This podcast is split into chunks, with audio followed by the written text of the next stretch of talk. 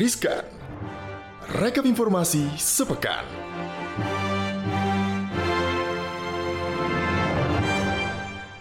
Halo, Halo Sobat, Sobat Cuan. Hey, apa kabar Sobat Cuan? Gimana kabarnya nih Sobat Cuan? Harusnya sehat ya Gal ya Iya. Ketemu lagi sama Maria Gali di Riskan Rekap informasi sepekan. Udah lama nih kita gak nyapa Sobat Cuan ya dalam Riskan Bener ya nih, kamarnya sibuk banget Sobat Cuan. Ampunilah, tidak lah ya Kayaknya ada yang lebih sibuk deh Gal Yaitu KPK kayaknya sibuk banget Waduh, nih Kenapa nih Kak? Karena setelah sibuk-sibuk kemarin gitu ya Akhirnya KPK resmi umumkan Syarul Yasin Limpo tersangka pemerasan dan gratifikasi jadi Wakil Ketua KPK Yohanis Tanak mengumumkan tiga sosok tersangka dalam kasus korupsi di Kementerian Pertanian atau Kementan. Salah satu tersangka ialah mantan Menteri Pertanian Syarul Yasin Limpo Gal. Yes, nah jadi KPK juga nih sebelumnya telah mengungkapkan adanya tiga tersangka dalam kasus korupsi di Kementerian Pertanian. Mhm. Nah, tiga tersangka itu mulai dari mantan Menteri Pertanian Syahrul Yassin Limpo, Yes. Direktur Alat dan Mesin Pertanian Kementan Muhammad Hatta, Mhm. serta Sekjen Kementan. Nah, KPK nih juga membagi tiga klaster dalam kasus korupsi di Kementerian Pertanian. Nah, tiga klaster itu adalah pemerasan, gratifikasi, dan tindak pidana pencucian uang nih Sobat Cuan. Oke, jadi sekarang sudah ya, sudah diputuskan ya dan diumumkan soal masalah kasus yang terjadi di Kementerian Pertanian ya. Mudah-mudahan bisa membuat kapok yang lain ya dengan Iya, kata lain ya, Gal ya. Betul, Kak. Oke. Sekarang kita yang paling hot nih di pekan ini ada pasukan Hamas Palestina yang serang Israel. Seperti apa sih? Wah, ini, Ini lagi ini lagi rame nih Lagi kayak. rame dan ini tuh kayak selalu ngaruh ke mana-mana termasuk Yes. Indonesia. Karena kalau kita tahu nih perang Israel versus Hamas yang meletus sejak Sabtu 7 Oktober 2023 ini sudah menewaskan sekitar 2.700 orang di masing-masing pihak per Kamis 12 Oktober. Ya. Jadi perang ini pun juga dikhawatirkan dapat memicu krisis yang lebih luas. Pecahnya konflik bersenjata antara dua negara tersebut akan mengguncang ekonomi global yang sedang dalam pemulihan akibat COVID-19 dan invasi Rusia ke Ukraina. Jadi ada perang Rusia Ukraina ditambah lagi nah ini sekarang ya. Apa sebenarnya dampak-dampak ekonomi yang bisa kita alami nih pasca adanya eskalasi perang Palestina Israel? Ya, oke nih Sobat Cuan. Jadi yang pertama itu uh, melonjaknya harga minyak. Jadi sejak Rusia dan Arab Saudi melakukan pembatasan ekspor dan memotong produksi minyak mentah atau memangkas suplai, nah negara-negara produsen minyak lain di Timur Tengah seperti Iran, Irak, dan Libya terus meningkatkan produksinya. Mhm. Nah hal ini nih dilakukan demi mengimbangi tekanan suplai. yes. Nah, hubungan diplomatik Amerika Serikat dan Iran sebenarnya sempat membaik nih.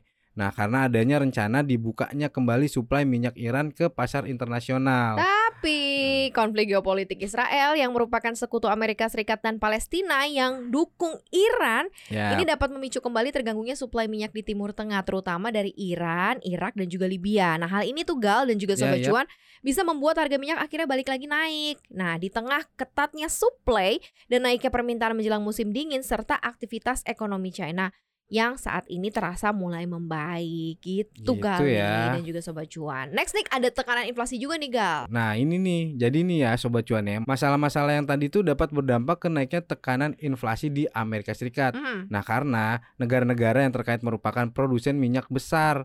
Nah, karena itu nih pejabat The Fed mungkin mengamati kenaikan yield obligasi Treasury Amerika Serikat untuk melihat apakah perilaku investor dapat mendorong kondisi keuangan agar inflasi dapat teredam. Nah, ditambah lagi bisa dengan adanya naiknya dolar dan harga emas ya. Sobat Cuan juga Hmm. mungkin udah ngerasa rupiah kita ini melemah Yes. beberapa waktu belakangan ya. Karena konflik tersebut ini diperkirakan bisa mempengaruhi para pelaku pasar dan mendorong mereka beralih ke aset-aset safe haven kayak dolar dan juga emas. Ini karena aset-aset safe haven kan biasanya cenderung naik kalau ada kondisi geopolitik yang bergejolak ya.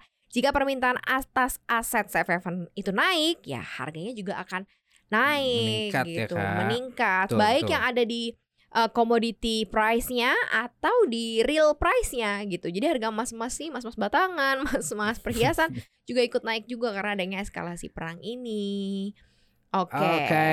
Itu tadi dua nih yang udah kita buka nih ya untuk riskan hari ini. Nah, lanjut ini kayaknya seru nih Gal nih. Terkait apa nih Gal? Iya, jadi ini yang next nih Sobat Cuan nih ada berita soal judi online di Indonesia tuh makin parah Gile, gitu loh. gile. Nah, ini kita bakal nyebutin soal gimana sih modus-modusnya mereka untuk mempengaruhi uh, orang-orang tuh supaya mau join gitu loh. Jadi lo harus denger nih Sobat Cuan ya. Gitu. Jadi nih ya prak- praktik judi online di Indonesia itu semakin marak nih di tahun 2023 ini aja nih PPATK mencatat terdapat lebih dari 159 juta transaksi yang nilainya lebih dari 160 Wow. triliun rupiah. Wow, Nah, wow. sekarang ini nih modus judi online gak hanya cuma dilakukan secara terang-terangan, tapi juga terselubung. Nah, apa pun yang akan mereka lakukan agar supaya yang tertipu dan masuk dalam jebakan mereka. Nah, ini beberapa modus promosi judi online yang saat ini sering ditemukan di media sosial. Aku tahu. Apa nih, yang Kak, yang pertama, pertama? endorse nih. Hati-hati ya Sobat Cuan. Karena bukan hanya endorse produk karena ada beberapa selebgram dalam tanda kutip ya ketahuan ikut melakukan promosi berbayar atau endorse konten judi online. Nah, promosi ini bisa dalam bentuk video reels, ada Instagram story juga, bahkan video YouTube. Bayarannya nih fantastis loh, gede-gede loh, 10 Gede juta sampai juga 100 ya. juta loh. Nah, modusnya selebgram atau influencer ini akan mempromosikan sebuah game ya. Ternyata aplikasi judi sebenarnya Nah, yang memberikan iming-iming keuntungan berlipat gitu dengan mudah hanya lewat main game. Jadi eh main game. Jangan lupa download Iya. lalalala gitu ya. ujung-ujungnya Nah, ujung-ujungnya sebenarnya ya. suruh ikut judi di dalam situ ya. Padahal di sini sebenarnya perangkapnya terjadi ya. Karena pada dasarnya korban nih akan diminta masukin ya ada duit lah gitu ya, top up sama nih.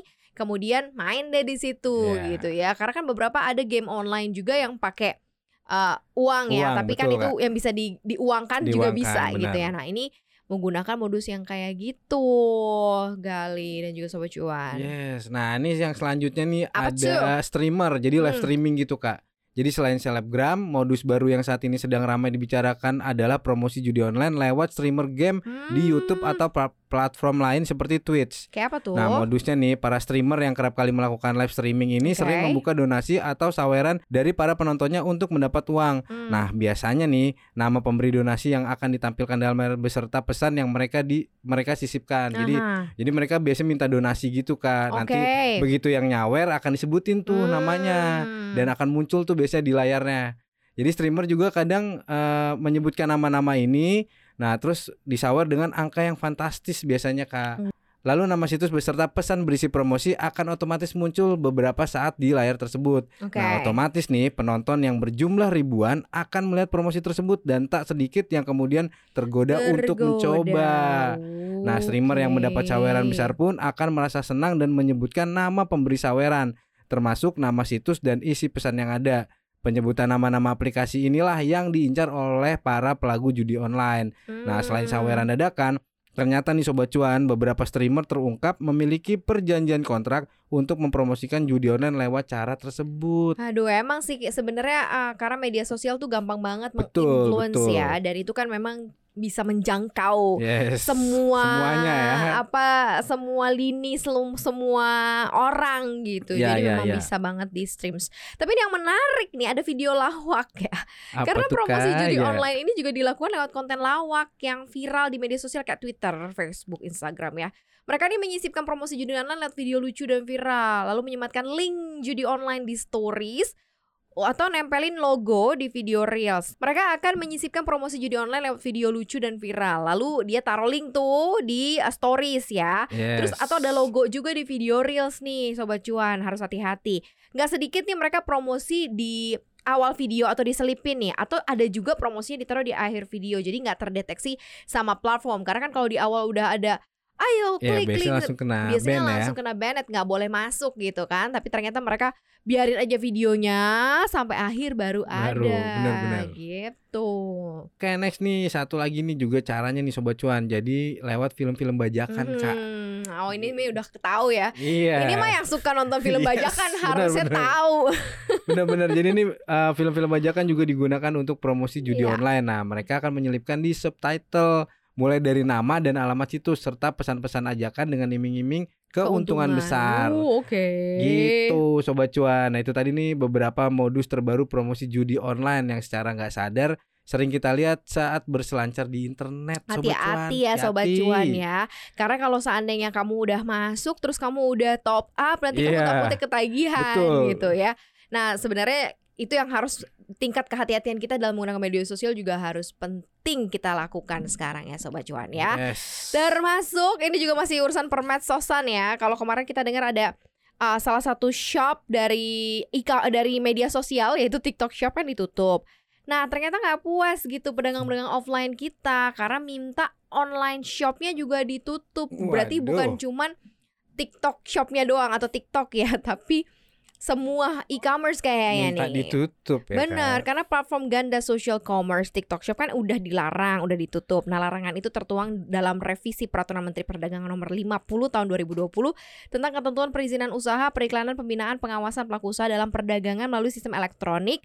Ini sudah ditutup lah ya salah satunya ya untuk menyelaraskan, menyelaraskan penjualan barang offline pada pedagang di pasar dan juga toko offline lain.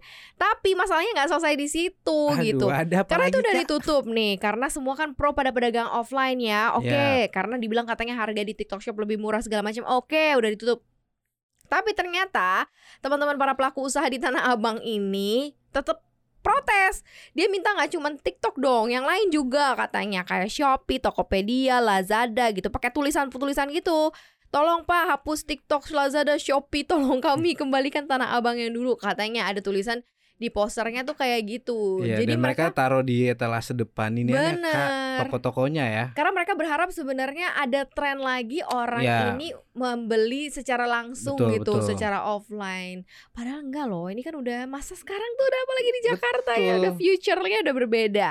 Karena Zulha sendiri, Mendak nih merespon permintaan para pedagang pasar Tanah Abang meminta sejumlah platform toko online atau e-commerce selain TikTok Shop untuk ditutup. Zulha juga mengatakan, ya itu nggak bisa dilakukan. Bener, bener. Jadi si Julas juga mengatakan nih pentingnya mengikuti perkembangan zaman. Yes. Nah, dia lantas meminta pedagang di Tanah Abang untuk menyesuaikan gitu loh. Hmm. Nah, Julhas memastikan pemerintah saat ini akan menata peraturan penjualan online agar lebih banyak produk lokal yang masuk di pasar e-commerce.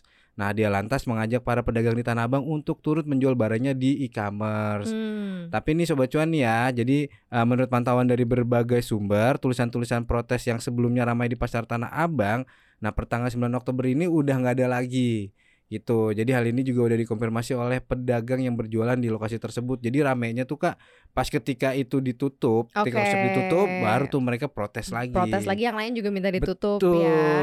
Nah sampai sekarang nih nggak ada kejelasan sebenarnya kapan TikTok Shop kembali beroperasi ya di Indonesia. Kendati demikian, kalau dilihat pernyataan Kementerian Perdagangan melalui akun Instagram Kemendak ini bisa dikatakan bahwa TikTok Shop ini bisa lagi akan beroperasi kalau pihak TikTok telah mengajukan perizinan untuk home e-commerce pada pemerintah. Jadi sambil scroll medsos nanti embed masuk ke TikTok Shopnya Betul. gitu. Jadi mungkin akan ada aplikasi lagi kali ya, Kayak- yang nggak nyatu sama TikToknya ya. Kayaknya. Jadi supaya tidak ada apa playing fieldnya bisa tertata dengan rapi gitu. Jadi sama-sama e-commerce ya e-commerce, Yes. gitu media sosial ya media sosial. Betul. Oke lah, jadi kita tunggu. Tapi buat teman-teman eh, para pelaku usaha jangan bersedih hati Ya. gitu loh. Sebenarnya kita juga sudah bisa mulai melirik kok era digital ini untuk jualan. Bayangin loh, banyak banget reseller-reseller tuh belanja ke Tanah Abang tapi dia jualinnya secara online Benar, benar. gitu. Jadi kenapa nggak Anda sebagai produsen yang langsung menjual secara online pasti harganya lebih murah ya? Yap. Oke, kita balik Next, lagi nih ke info lagi nih, yang Kak? yang bawa cuan dong pastinya. Oke. Karena ada saham-saham atau sektor yang bawa cuan di tahun politik. Oke nih, jadi nih Sobat Cuan ya memasuki tahun politik, sejumlah katalis diramal dapat membawa pengaruh positif bagi indeks harga saham gabungan atau IHSG.